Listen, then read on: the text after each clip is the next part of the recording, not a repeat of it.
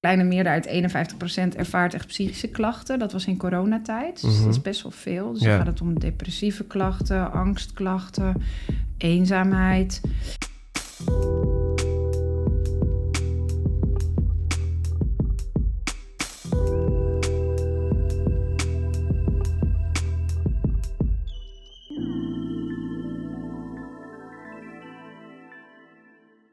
Hallo en welkom bij de Stresscast.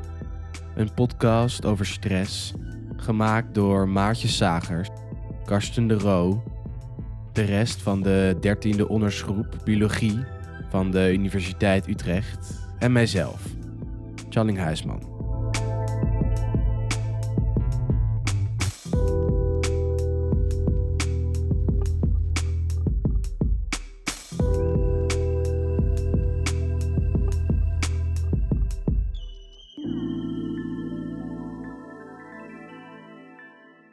Hallo luisteraars van de Stresscast. Eh, hier vandaag bij me zit eh Barbara van Manen, eh, onder andere studieadviseur eh, bij de Universiteit Utrecht. Eh, hoe is het, Barbara? Goed, Ja? heel leuk dat we dit doen. En heel goed dat jullie dit voor studenten doen.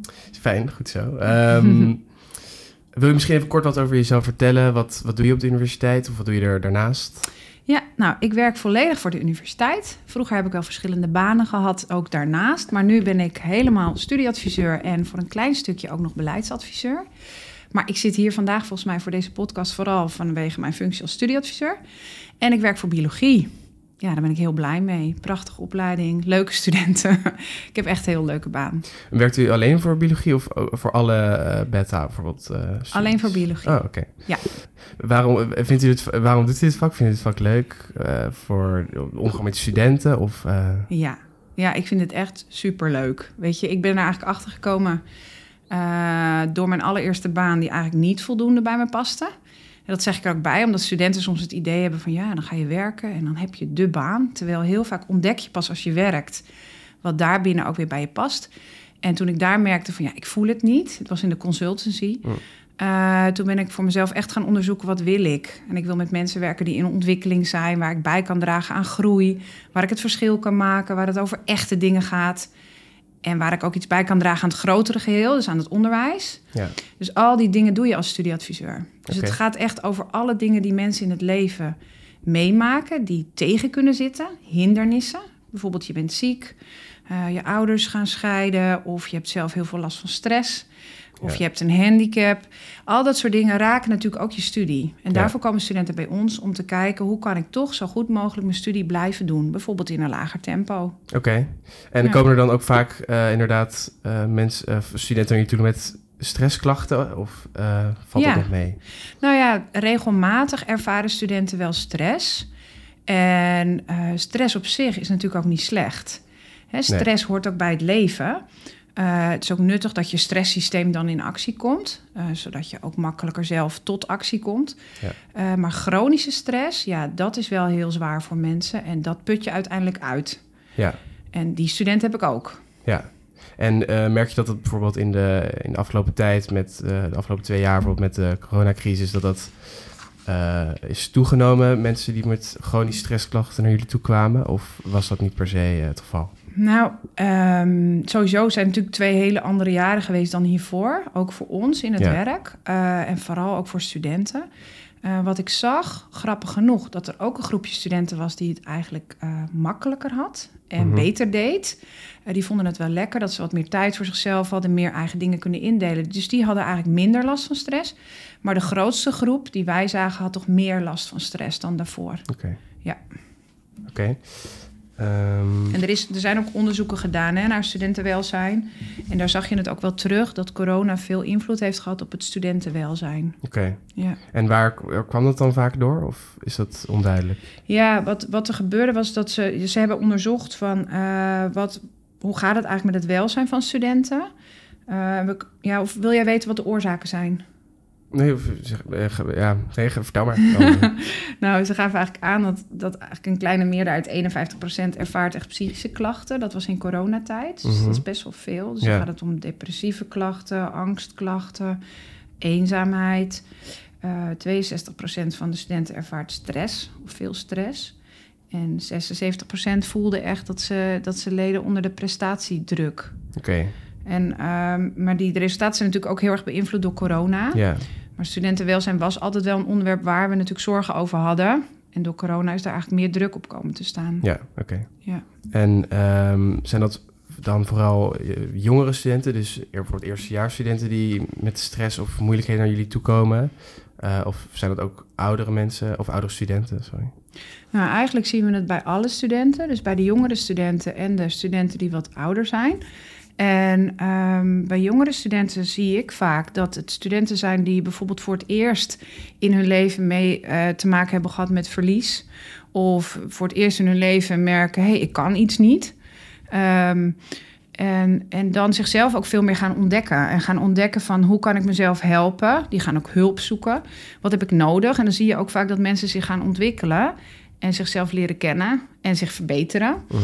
En bij studenten die al wat langer studeren, zie ik vaker dat stress eh, naar voren komt. doordat er gewoon veel te veel ballen zijn die ze in de lucht moeten houden. Ja. Hoog moeten houden. Hoe zeg je dat? je weet wat ik bedoel. Ehm, en dan zie je dat de draagkracht en de draaglast, zoals wij Mhm. dat noemen, die zijn eigenlijk net op elkaar afgestemd. En er hoeft er maar iets te gebeuren. Bijvoorbeeld ineens moeten ze uit hun kamer. Of hun opa of oma overlijdt, wat natuurlijk Ja. groot is. Ja, Maar dan zie je dat, ehm, dat er dan onvoldoende kracht is om dat te dragen. ja, En zorgen bijvoorbeeld om de toekomst. Van word ik wel toegelaten tot de master? Het Ja. helpt natuurlijk niet dat veel masters nu selectief zijn. Mhm. ja, Ehm, dus dat zien we, zie ik in elk geval meer onder studenten die al wat verder zijn in hun studie. ja. En denk je dan dat, dat die druk ook soms wat te hoog kan, kan zijn? Dus alles bij elkaar bijvoorbeeld? Ja. Oké. Ja. En kan de, zou de universiteit er iets aan kunnen doen naast eh, nou ja, jou? Ja, nee, natuurlijk. Nou, kijk, ik kan wel vertellen wat wij, wat wij doen, maar ik kan ook eerst vertellen wat de universiteit doet. Wat ik heel goed vind van de universiteit is dat ze zeggen: ja, dit is eigenlijk een breder probleem. Hè? Het is meer maatschappelijk. Dat Mhm. lees je natuurlijk ook wel in de kranten. hè? Veel aandacht voor. Ja. Er is veel aandacht voor. En de Universiteit Utrecht kijkt zoveel mogelijk met de partijen die daarmee te maken hebben samen van wat kunnen we doen. Dus bijvoorbeeld met studieverenigingen, ehm, studentenorganisaties, maar ook met de GGZ-instellingen, dus de geestelijke gezondheidszorginstellingen, de gemeentes. En er is een speciale taskforce, heet die, binnen de Universiteit Utrecht op het gebied van studentenwelzijn. Oh, oké. Ja, en die is, al, die is al een tijdje bezig en die hebben echt hele goede dingen in gang gezet. Ehm, maar het blijft wel ook het punt dat, dat wij blijven hopen dat studenten ook hulp zoeken. Ja, En dan is, daarom is het zo belangrijk dat jullie onderling met elkaar daar ook gewoon over praten. ja, Hè, want iedereen heeft stress en zodra jij merkt van... hé, hey, het wordt bij mij te veel... Ik ben te veel aan het piekeren. Ik ben moe. Ik slaap niet meer goed in. eh, dat, je, dat je echt alert blijft op je eigen signalen. En zodra je merkt het gaat te ver, dat je dan eh, gewoon met mensen gaat praten. Met elkaar, maar ook met een studieadviseur, Ja. met je tutor. Ja. Ehm, want er gebeurt zoveel op de Universiteit Utrecht om studenten te helpen. Ja, ik kan wel dingen noemen als ja, je wil. Ja, Ja? Dat- dat Want het leuke is, we hebben zowel voor de hele universiteit hebben we hulp, maar ook voor onze eigen faculteit, waar dus biologie onder valt. Mhm. Dus UU breed heb je eh, allerlei groepen die worden aangeboden. Dus je hebt meditatiegroepen, maar ook groepen heel concreet om je te helpen met je scriptie. Mhm. Eh, er zijn studeercoaches die met jou kunnen kijken hoe kan jij wat effectiever studeren, zodat je ook wat meer grip krijgt. Nou, dat zorgt Mhm. ook voor ontspanning. En binnen Beta, dus bij ons, eh, gewoon op de faculteit, hebben we nu ook een training Pak je stress aan. Oké, En er is nu ook een eerste groep hier ook binnen Beta gaan draaien op het gebied van eh, de begeleiding bij je scriptie. oké. Ja, dus er gebeurt van alles. Ja, Ehm, ja, en wij hopen heel erg dat studenten daar gebruik van maken. ja. Oké, dat is wel wel interessant, want ik, Ja. ik had daar bijvoorbeeld nog niet per se van gehoord. Oké. Ehm, en ik weet ook niet of, wa- wat, hoe wordt dat naar buiten gebracht, dit soort dingen? Of, want ik heb het gevoel dat, in ieder geval daar, ik heb er met andere studenten ook nog nooit over gehad, dus ik weet nog niet zo goed hoe, hoe zou je dat kunnen zien ergens of eh, Ja. kunnen te weten komen. Nou, wat, wat zo is, is eh, dat er af en toe wel berichten worden gestuurd vanuit UU Centraal. Nou weet ik alleen dat jullie heel veel berichten krijgen, volgens mij. Jullie krijgen Ja, berichten van... mijn, mijn, mijn, mijn zit mailbox. helemaal... eh, Ja, en dat zorgt dus ook weer voor stress. Dus Nou ja, dat- maar ik, ik lees niet alles. Nee, dat snap ik. En dat hoor ik van meer studenten. Ik hoor zelfs ook wel van studenten dat des te verder weg het is. Hè? Bijvoorbeeld, je hebt je eigen opleiding, dat is biologie. Mhm. Dan heb je nog je faculteit, dat is beta. En heb je daarboven de Universiteit. Utrecht. En dan zie je, des te verder het van je weg is... Des te kleiner is de kans dat je het leest. Maar deze dingen worden wel allemaal gecommuniceerd via de mail. Mhm. Eh, waar je het ook misschien had kunnen zien, is dat er een Wellbeing Week is. Er is nu Ja, daar heb ik wel van gehoord. Ja. inderdaad. Nou, en als je op de Wellbeing Week kijkt, dan staan er ook allemaal linkjes naar alle het aanbod wat er gewoonlijk is. Oké. Maar ehm, er is ook een speciale eh, site. En als je kijkt bij de universiteitssite, bij eh, students.uu.nl en dan Mhm. slash begeleiding en ontwikkeling slash studentenwelzijn. Oké. Oké, Ja. dat is een. En sowieso via Google kun je het zeker vinden. Ja. Want op intranet raak je soms de weg kwijt. Maar als je gewoon googelt op studentenwelzijn UU, Ja. dan vind je een hele batterij aan eh, opties. Oké. Ja. Dat is een goede tip, dankjewel. Ja. Ja, en weet je wat misschien wel een geruststelling is voor de studenten die nu luisteren en denken van, oh, ik wist het ook niet. Ehm, als je te maken hebt met stress en je hebt ook echt het gevoel, ik wil er iets mee, stap bijvoorbeeld naar je tutor Ja. of naar je studentmentor of naar een coördinator van een cursus of een docent. Eh, en je wordt naar ons verwezen. Wij gaan daar altijd met je over in gesprek. Ja. Dus ik er, laat is het ook geen, er is totaal geen drempel of... eh, Nee. Nee. en dat merk ik ook in de begeleiding van studenten. Zodra ik een student spreek die te maken heeft met stress eh, of andere psychische problemen, gaan we samen ook echt kijken hoe kun je toch zo goed mogelijk je studie doen. En soms betekent het dat je deze periode maar één cursus doet in plaats van twee. Ja. Dan overleggen we ook even met de coördinator. Nou, tot nu toe, ik maak altijd mee dat mensen meedenken bij biologie. Zijn Ja. zulke aardige docenten mhm. eh, die mee Ja. willen denken als mensen ergens mee zitten. Ja. Dus, ehm, en die sturen ook goed door naar de studieadviseur. Oké. Ja. Oké. En eh, je zegt, eh, als je merkt dat het te veel wordt, dan, dan moet je daarmee naar voren komen. Maar hoe, hoe weet je nou precies hoe dat te veel wordt? Want ik, dat lijkt me niet van voor mezelf altijd wel lastig. Ja, dat snap ik. Nou, wat belangrijk, wat eigenlijk het eerste stap is, dat je je überhaupt wel bewust bent ook van jezelf en van je lijf. Wat ik wel vaak merk aan mensen is dat ze maar door en maar door en maar doorgaan en eigenlijk niet goed voelen hoe gaat het met mij. Dus waar je dan op kan letten is überhaupt hoe ontspannen ben ik. Zit ik ontspannen? of ben ik de hele dag maar aan het jagen? Ja. Maar je merkt het vaak ook aan het piekeren. Als je maar blijft malen en blijft piekeren, dan is het vaak wel dat je te maken hebt met stress. Oké. En je kunt het merken ook aan eh, het slapen. Dus Ja. bijvoorbeeld eh, dat het lang duurt voordat je inslaapt, of dat je niet goed door kan slapen, of dat je vroeg wakker bent. Eh, schrikachtig zijn. Dus iemand maakt een grapje en jij schrikt Ja. je dood. Ja. Dan merk je ook aan van hé, hey, ik zit gewoon letterlijk strakker in mijn vel. Ja, ja, ja, ja. Dus er zijn allerlei stresssignalen waar je op kunt letten. Oké. Ja. Oké. En ehm, als mensen dan bij jou eh, bijvoorbeeld komen met eh, stressklachten, eh, wat, wat ga je dan met ze doen? Of wat raad je ze dan vaak aan om te doen in het algemeen? Ja. Nou ja, wat, wat ik wil, waar ik een onderscheid dan in wil maken, is studenten die echt puur en alleen komen omdat ze stress hebben. Mhm. En de studenten die wij natuurlijk ook heel vaak zien, die echt te maken hebben met persoonlijke omstandigheden. Ja. Maar ik weet niet of jij weet wat ik met persoonlijke omstandigheden bedoel. Ja, ik denk gescheiden ouders, eh, overlijden van Ja, Al die dingen. Zoiets. Ja, zeg maar de nare dingen die je eigenlijk allemaal kan meemaken in het leven. Dus wat je zei, gescheiden ouders, overlijden van mensen, maar ook eh, dat je zelf ineens ziek wordt. Ja. eh, heftige gebeurtenissen in je leven. Of dat je een functiebeperking hebt, zoals ADHD of dyslexie. Mhm. of iets van het autistisch spectrum. Eh, dus dat, zijn, dat is een grote groep studenten die wij zien. Ja. Studenten met persoonlijke omstandigheden. En vaak bij al dat soort dingen komt stress om de hoek. Ja, ja, ja. En dat is een andere groep dan studenten die puur bij ons komen en zeggen wij hebben heel veel stress. Ja. Dus ik weet niet wat Snap jij ik. fijn vindt, waar je, op welke groep je in wil gaan, wat we dan doen. Want je wilde weten wat we doen, hè? Ja, ik, ik, ja, ik zou me eerder focussen op ehm, met alleen stress. Want ik denk dat de, het andere klachten, of nou, dat dat te ingewikkeld wordt, denk ik toch? Of nou ja, te, Op zich- te specifiek of te... ja, hangt, het- daar hangt het ook veel, vaak er toch wel van af wat er verder nog speelt. En Ja. hoe je het beste rust kan krijgen in dat systeem. Ja, Dus, dus wat dat betreft zeg je het wel goed. Het is wat ingewikkelder, maar de oplossing is eigenlijk ook wel hetzelfde. Laten we het Oh, zo zeggen, dat je je focust op eh, wat heeft diegene op dit moment het meest nodig. En met persoonlijke omstandigheden kan dat bijvoorbeeld zijn... iemand moet in therapie, of moet Mhm. iemand... het beste zou therapie Ja. zijn. En dan ga je ook samen kijken van... goh, ga je via je huisarts of ga je via de studentenpsycholoog... en zo ga je dan meedenken met iemand. ja, Ehm, en wat je bij eigenlijk alle twee de groepen doet... is dat je goed kijkt, wat is er op dit moment mogelijk qua studie... naast de hulp die nodig is. Dus je kijkt altijd van, is er hulp nodig? Wat voor hulp is er nodig? Buiten de Universiteit Utrecht, binnen de Universiteit Utrecht. Ik kan ook een stukje coaching doen en Ja. helpen. En daarnaast kijk je van, eh, hoe gaat de studie nu? Wat gaat er wel goed? En wat heeft iemand nodig om overeind te blijven en ook de reserves aan te vullen? Want je ziet vaak bij stress, bij beide groepen studenten, dat, ehm, dat iemand zijn reserves ook al heeft aangesproken. Dus mensen zijn vaak al moe, Ja, slapen al slecht, zorgen niet meer zo goed voor zichzelf.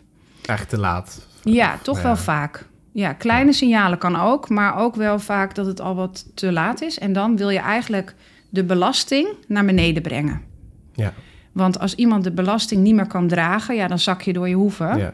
Dus dan gaan we samen kijken van, joh, weet je, richt je alles op die nieuwe, frisse cursus. Laat die herkansing dan nu maar zitten, hoe jammer dat ook is. Maar als je twee dingen half doet, haal je ze alle twee niet. ja. En dat stelt studenten heel vaak gerust. Ja. Van, god, dan richt ik me nu daarop. Barbara vindt dat een goed idee. Die docent vindt dat hartstikke goed. Die informeert diegene dan ook even.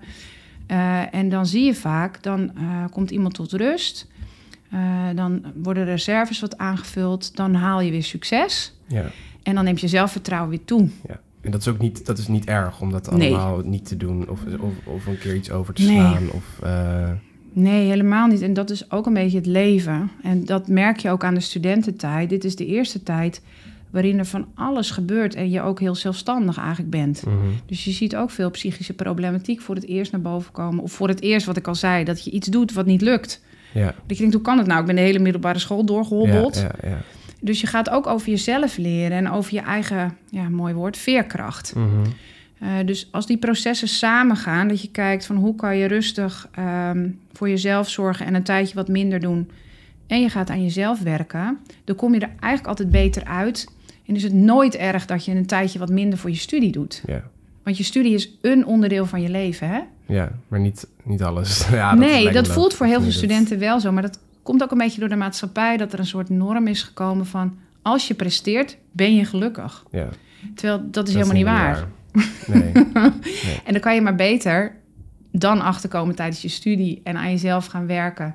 zodat je lekker in je vel zit. Mhm. Dan heb je de rest van je leven wat aan. Ja. Ja. Oké, dus dat zijn eh, goede tips. Dankjewel. Ja? Oh, mooi. Zit, er, zit er ook verschillen bijvoorbeeld tussen mannelijke en vrouwelijke studenten? In hoeveel ze langskomen of in wat voor soort stress ze hebben? Of, eh, Ja, ik, heb, ik dacht zelf gelijk van nee, voor mij zit daar geen verschil in. Maar ik heb het ook even nagezocht. Eh, dus ik heb wat cijfertjes erbij gehaald. En een onderzoek wat door de Landelijke Studentenvakbond is gedaan. Of landelijke LSVB. Oké, Ehm, geen verschil tussen mannen en vrouwen in hoeveel stress ze ervaren. Wat ik wel zie, is dat vrouwelijke studenten het makkelijker lijken te vinden om daarover te praten. En ehm, dus komen die ook eerder naar voren, wil je zeggen? ja, ja, moet ik even hardop nadenken. Eh, ik denk wat er gebeurt bij jongens, is dat het vaker al een beetje te laat is. Laat het zo zeggen. Of, Ja. of later is. Ja. En dat ehm, meiden, laat ik het zo maar zeggen, Mhm. eh, al wat in een eerder stadium komen. ja. Ja, maar het is niet zo dat, dat ze in verschillende mate stress ervaren. Nee, precies. Nee. Oké, maar en dus, maar er komen dan, zijn er dan ook, als dan jongens dan wel komen, is het dan erger of, of erger? Of is het moeilijker om eh, ja, weer te herstellen of zo? Of Hm, Ja, niet per se? Het ligt, ligt er een beetje aan. Ehm, ja, wat, wat ik merk, maar dat is gewoon puur mijn eigen ervaring. ehm, is dat jongens dan eerder eerst een hele tijd bijvoorbeeld gaan uitstellen. En andere strategieën gaan toepassen om eigenlijk voor zichzelf het hanteerbaar te houden. Want als je Mhm. ergens niet aan begint, dan kun je ook niet falen, Ja. zeg maar. Ja, mensen met uitstelgedrag zijn heel vaak helemaal niet lui. Die zijn hartstikke druk bezig in hun hoofd en bang vaak om te falen of Mhm. ze hebben last van stress. En, en dan komen ze. En dan zeggen ze bijvoorbeeld: Ja, ik voel me niet meer gemotiveerd. En ik weet eigenlijk niet meer of ik de studie nog wil doen. Ja. En, ja, en als we dan samen gaan kijken eh, wanneer het anders was en wanneer het wel ging, dan was het in tijden waarin ze veel meer ontspannen in hun vel zaten en de dingen op orde hadden. Ja. Ja, dus dat, dat is wel een patroon wat ik denk ik eerder bij jongens zie dan bij meiden. Oké, Ja. oké, interessant. Ja, Ja. Ehm, en het helpt trouwens heel erg om dat te benoemen. Want als jongens, dat, nou, als jongens horen van... joh, je bent helemaal niet lui als je uitstelt... maar daar heb je Mhm. een hele goede reden voor... Dat is zo'n ehm, opluchting vaak. Oké. En wij veroordelen ze ook nooit als studieadviseur. Nee, nee, nee. Want mensen hebben altijd een goede reden voor hun gedrag. Ja. Altijd. Ja. En er is ook altijd hulp mogelijk. Oké. Ja. Dat is eh, fijn te weten. Ja. En ehm nou, je hebt, misschien in bepaalde vormen al wel eh, naar gekeken, maar wat schuilt er dan eh, achter die stress vaak als mensen naar je toe komen? Ja, wat, we hadden het al een beetje over de maatschappelijke norm hè, van Ja. presteren. Dat is wel wat ik terugzie. En nou, de meest voorkomende die ik zie is toch dat, dat studenten heel veel prestatiedruk ervaren. Ja. En dat eigenlijk gezonde ambitie een beetje een valkuil is geworden en perfectionisme is geworden. Oké. En ehm, op zich is het helemaal niet gek om eh, prestatiedruk te ervaren, want dat hebben een heleboel studenten Mhm. en een heleboel mensen. Ja. Zelfs ook al kinderen op de middelbare school blijkt. Ja. Ehm, maar je kunt er wel heel veel last van krijgen als dat chronisch is. Als je steeds het gevoel hebt van... ik moet alles in één keer goed doen. Of Ja. je bent jezelf steeds aan het vergelijken met anderen. Ja. Of je denkt, ik moet me nu onderscheiden... want anders dan komt het niet meer goed na mijn bachelor. Ja. Al dat soort dingen. En wat ik zelf heel mooi vond van een studentenpsycholoog... die zei ooit bij haar afscheid, dat was vorig jaar... zij werkte al heel lang als studentenpsycholoog, zei ze... Vroeger vroegen studenten aan mij: wat kan ik doen om mezelf te ontwikkelen? Wat kan ik doen om mezelf te ontplooien? Ja. En nu zeggen, zeggen, eh, zeggen studenten eerder: wat kan ik doen om dat en dat en dat te bereiken? ja, precies. Het is een hele andere mindset. persoonlijke groei Ja, dan... Klopt. Oké. Oh, dat is wel interessant. Ja, is heel interessant. En enig idee waardoor dat misschien zou kunnen komen? Of... Nou ja, wat, wat we overal om ons heen horen en wat ook wel uit onderzoeken blijkt, bijvoorbeeld ook van eh, het Centraal Bureau voor de Statistiek, Mhm. is dat, ehm, dat er toch wel een norm is van presteren. En dat die norm van presteren eigenlijk door ouders wordt doorgegeven in de middelbare schooltijd. Dus daar in de middelbare school ervaren leerlingen vaak druk van buiten, hè, van, Mhm. van docenten, dat je goed moet scoren Ja. van ouders. En die norm wordt geïnternaliseerd en die neem je dan mee. Dus dat wordt een stukje van jezelf als je student bent. Ja. Ehm, ja, en waar dat vandaan komt, ja, er zijn natuurlijk allerlei goede boeken over geschreven. Ik heb wel een aantal dingen gelezen, maar is dat, is dat de visie is dat de maatschappij natuurlijk ook best wel heel erg veranderd is en geïndividualiseerd is. Ja. Waardoor mensen ook meer op zichzelf zijn aangewezen en ook minder tijd lijken te hebben om zichzelf te laten zien. Kijk, in mijn tijd, ja, ik lijk al wel een omaatje dan, maar ik ben nu Nou. vijf, ik ben 45 nu. En in mijn tijd had je vijf jaar studiefinanciering. Mhm. Dus er zat gewoon altijd eh, nog een extra stuk ingebakken, dat was dan inclusief de master, voor als je een verkeerde keuze had gemaakt. Ja, bijvoorbeeld. Ja, ik kwam bijvoorbeeld aan het eind van mijn studie achter, huh, ik heb vijf jaar, ja, maar ik ben al klaar. Nou, dan ga ik me verder ontwikkelen, ging ik iets Ja. leuks doen. Eh, interessant voor mijn studie, extra stages Mhm. allemaal, eh, op de universiteit gewerkt. Alleen nu zit er vanaf het begin af aan eigenlijk al druk op. Je moet eerst al gelijk goed kiezen. Ja. Terwijl één op de drie studenten maakt een studiekeuze die niet bij hem of haar past. Ja. ja, heb je op de middelbare school al. In Ja. ieder geval. Je moet al heel vroeg kiezen. Ja, in de vierde of Ja. moest je... eh, Terwijl die hersenen zijn nog helemaal niet rijp. Ja, En je bent ook niet, niet uitgekristalliseerd. Dus ik probeer ook heel veel studenten mee te geven van die growth mindset. Wat jij Mhm. ook zei, die groeimindset van... eh, ontwikkel jezelf. Gebruik de bachelor ook om te ontdekken wat jij interessant vindt in de biologie. ja, Ook al moet je op een gegeven moment cruciale, cruciale keuzes maken. Het is helemaal niet erg als je een keertje verkeerd kiest. Want Ja. het is nooit weggegooid. ja, Weet je dat? Ja. Ja, dus ja, als je me vraagt van waar komt het allemaal door? Ja, ik, ja, ik Ja, ik durf natuurlijk geen uitspraken te doen voor iedereen, maar dit is wat ik lees, dit is wat ik Ja. hoor, dit is waar we het ook samen over, met elkaar over hebben als studieadviseurs. Mhm. Dat er ook best wel veel in het systeem zit. Ik was eh, aan het kijken laatst naar eh, masters en dat was dan alleen hier in Utrecht. Eh, maar dan moet je bijvoorbeeld een 7 of zo voor, dan staat er relevante vakken. Eh nou was ik vorig jaar best wel oké bezig. Op zich, maar ja, nu nog steeds prima. Eh, maar ik heb niet voor elk vak eh, een 7 of hoger. Dus dan denk je toch van, oh nee, moet je dan nu hoger gaan halen of zo, om dat dan te gaan compenseren of zo. Of, eh, En dan krijg je dus zo'n prikkel eigenlijk. Terwijl je wil natuurlijk dat studenten intrinsiek gemotiveerd zijn, wat jij ook bent. Ehm, en wat het grappige is, is dat masters ook aan ons aangeven... oh, laat die studenten alsjeblieft wel, ehm, ehm, hoe zeg je dat, Eh, vragen om toelating, dus zich Mhm. aanmelden. Want we kijken ook naar studenten die lager dan een 7 scoren. ja, ja. Dus als je er net onder zit, of je zit op een 6,7 of een 6,8. Maar ja, dit, ik kan dit niet in algemene Nee, zin nee, zeggen, maar ja. Oké. Ja. oké. Nou, en, eh, oké, en als je dan eh, die stress hebt, hoe, eh, hoe, hoe kom je daar dan uit? Of hoe, ja, hoe, hoe, hoe gaat het dan weer weg? Ja, nou los van dat je dus de hulp kan zoeken en dat wij jou als studieadviseur ook kunnen helpen bij het vinden van de juiste hulp. Hè? Dat we samen met jou kijken wat is goed voor jou, eh, therapie of coaching of een goede cursus. Zijn er ook heel veel dingen die je zelf kan doen. En wat heel erg belangrijk is, dat je zowel aandacht hebt voor je lichaam als je geest, zou je kunnen zeggen. Mhm. En dat die in balans zijn. En bewegen is een van de meest bewezen middelen om je Ja. stressas eigenlijk weer te resetten en tot rust te brengen. Ja. Dus als je echt heel erg gestrest bent en denkt, oh mijn god, ik kom er niet uit, ga bewegen. Ja. En dan hoef je niet als een idioot te gaan bewegen en elke dag kilometers hard te lopen, maar zorg dat je lekker gaat wandelen.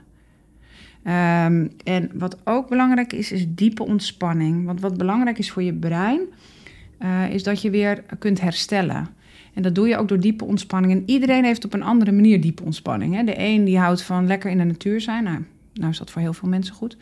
En de ander houdt ervan om met iemand koffie te gaan drinken. Ja. Dus hou eens bij van wat waren vandaag mijn ontspanners en wat waren mijn inspanners. Ja. En probeer eens wat meer van de ontspanners te doen. En probeer eens te kijken, wat kan ik nou eigenlijk met die dingen die me leegtrekken? Dus die inspanners. Ja.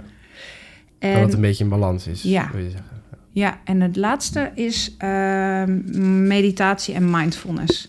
Is zo ontzettend bewezen om je brein tot rust te brengen. Maar eh, ook een heel mooi effect van meditatie is dat je veel meer bewust bent van je gevoelens en gedachten. Want wat er met stress gebeurt, is dat je vaak al op een snelweg zit. En dan zit je er al helemaal in. Van het komt niet goed en ik ga het niet halen, ik moet dit. En wat mindfulness doet, maar dat weet je volgens mij ook, is dat je denkt: hé, hey, ik heb een gedachte. En dit is wat ik nu denk. En dat je dan veel meer kan kiezen: wat ga ik nu doen om mezelf te helpen? Ja. Ehm, en dat kan ook met korte meditaties. Je hoeft heus niet een half uur per dag op een matje te zitten. Nee, precies. Je kan ook gewoon een paar keer eh, even diep in en uitademen. Ja. Dat is ook al, eh, Een paar bewuste ademhalingen hebben al effect. En de Universiteit Utrecht heeft echt hele leuke groepen ook op dat gebied en eh, trainingen. oh, Oké, interessant. Oké, leuk. Ehm, Ja.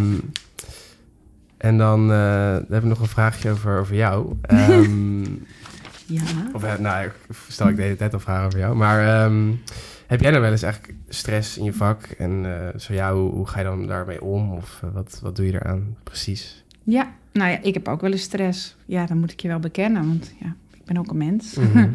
en ehm, wat ik doe, is ik mediteer sowieso wel regelmatig. En dat maakt dat ik het sneller door heb dan Mhm. bijvoorbeeld als ik kijk naar mezelf van tien jaar geleden. Dan zat Ja. ik veel meer op die snelweg. En dan dacht ik ook echt dat de verlossing was dat ik nog veel harder ging werken.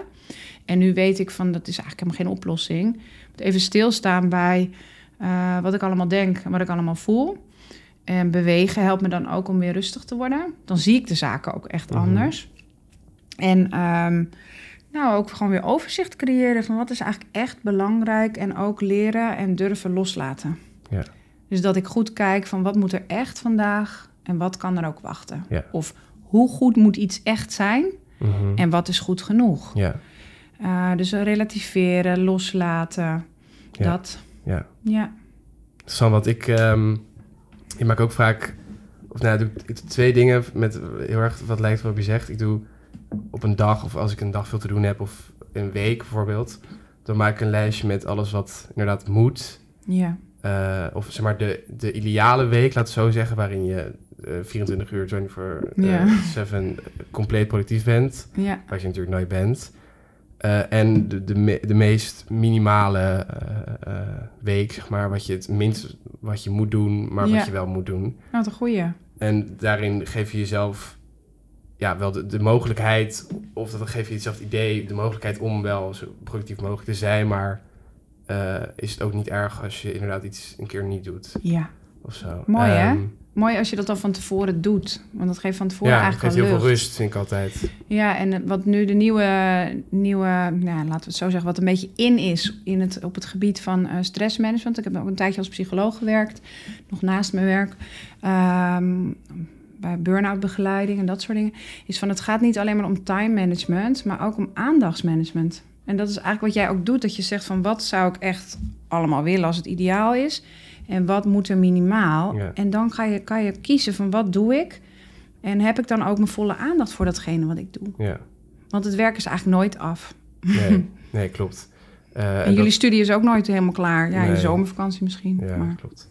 ja. Ehm, en nog een ander, eh, ander dingetje. oh ja, is sorry, dat- je had twee dingen. Nee, nee. Ja? Ehm, is dat, want je zei ook eh, eerder van, het is nooit helemaal perfect. ja. En dat is het ook, dat gaat ook nooit iets zijn, denk ik. Maar ik, ik, ik bedenk altijd voor mezelf dat als ik ergens eh 70 of 80 procent soort van tevreden mee ben, dat het dan, nou ja, dat het dan niet oké maar dan is het oké genoeg of zo. Zeker. en Eh, vaak voor andere mensen zeker vaak. Want ja, we hebben vaak hele hoge eisen zelf. Ja, dus dat vind ik ook wel altijd een goede regel. Dus Goeie. misschien kunnen mensen dat ook eh, gebruiken of daar iets, hebben daar iets aan. Mooi, heel concreet. Ja. Ja, en dan ook je bewustzijn van... hé, ik vind het dus eigenlijk niet oké... maar het is waarschijnlijk wel echt heel oké. Ja, Ja. Ja, mooi. En weet je, het is natuurlijk heel naar om stress te ervaren, zeker als het chronisch is. Ehm, maar als je er iets mee doet, dan kom je er eigenlijk altijd beter uit. ja, Want soms, soms schamen studenten zich Ja. van, oh, nou, ik heb een slechte periode gehad een dip.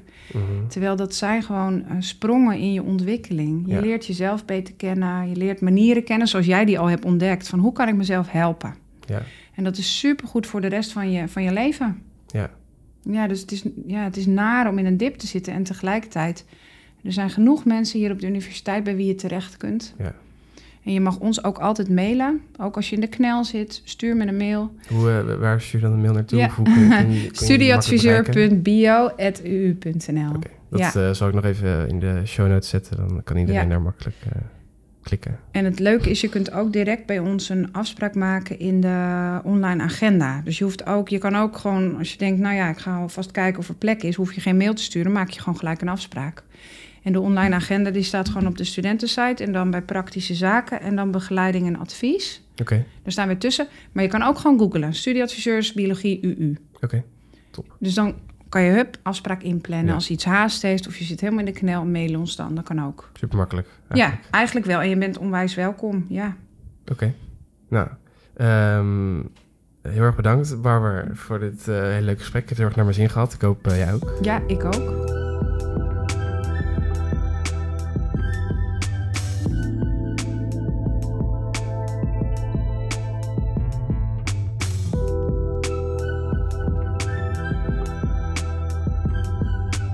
Wat leuk dat je geluisterd hebt. Ik hoop dat je het een beetje leuk en leerzaam vond. Ik heb het in ieder geval enorm naar mijn zin gehad. Vond je deze aflevering over de gestreste student nou interessant? En wil je graag meer over stress te weten komen? Luister dan bijvoorbeeld naar de eerste aflevering, waarin we uitleggen hoe stress in je lichaam nou precies werkt. Oké, zie je daar.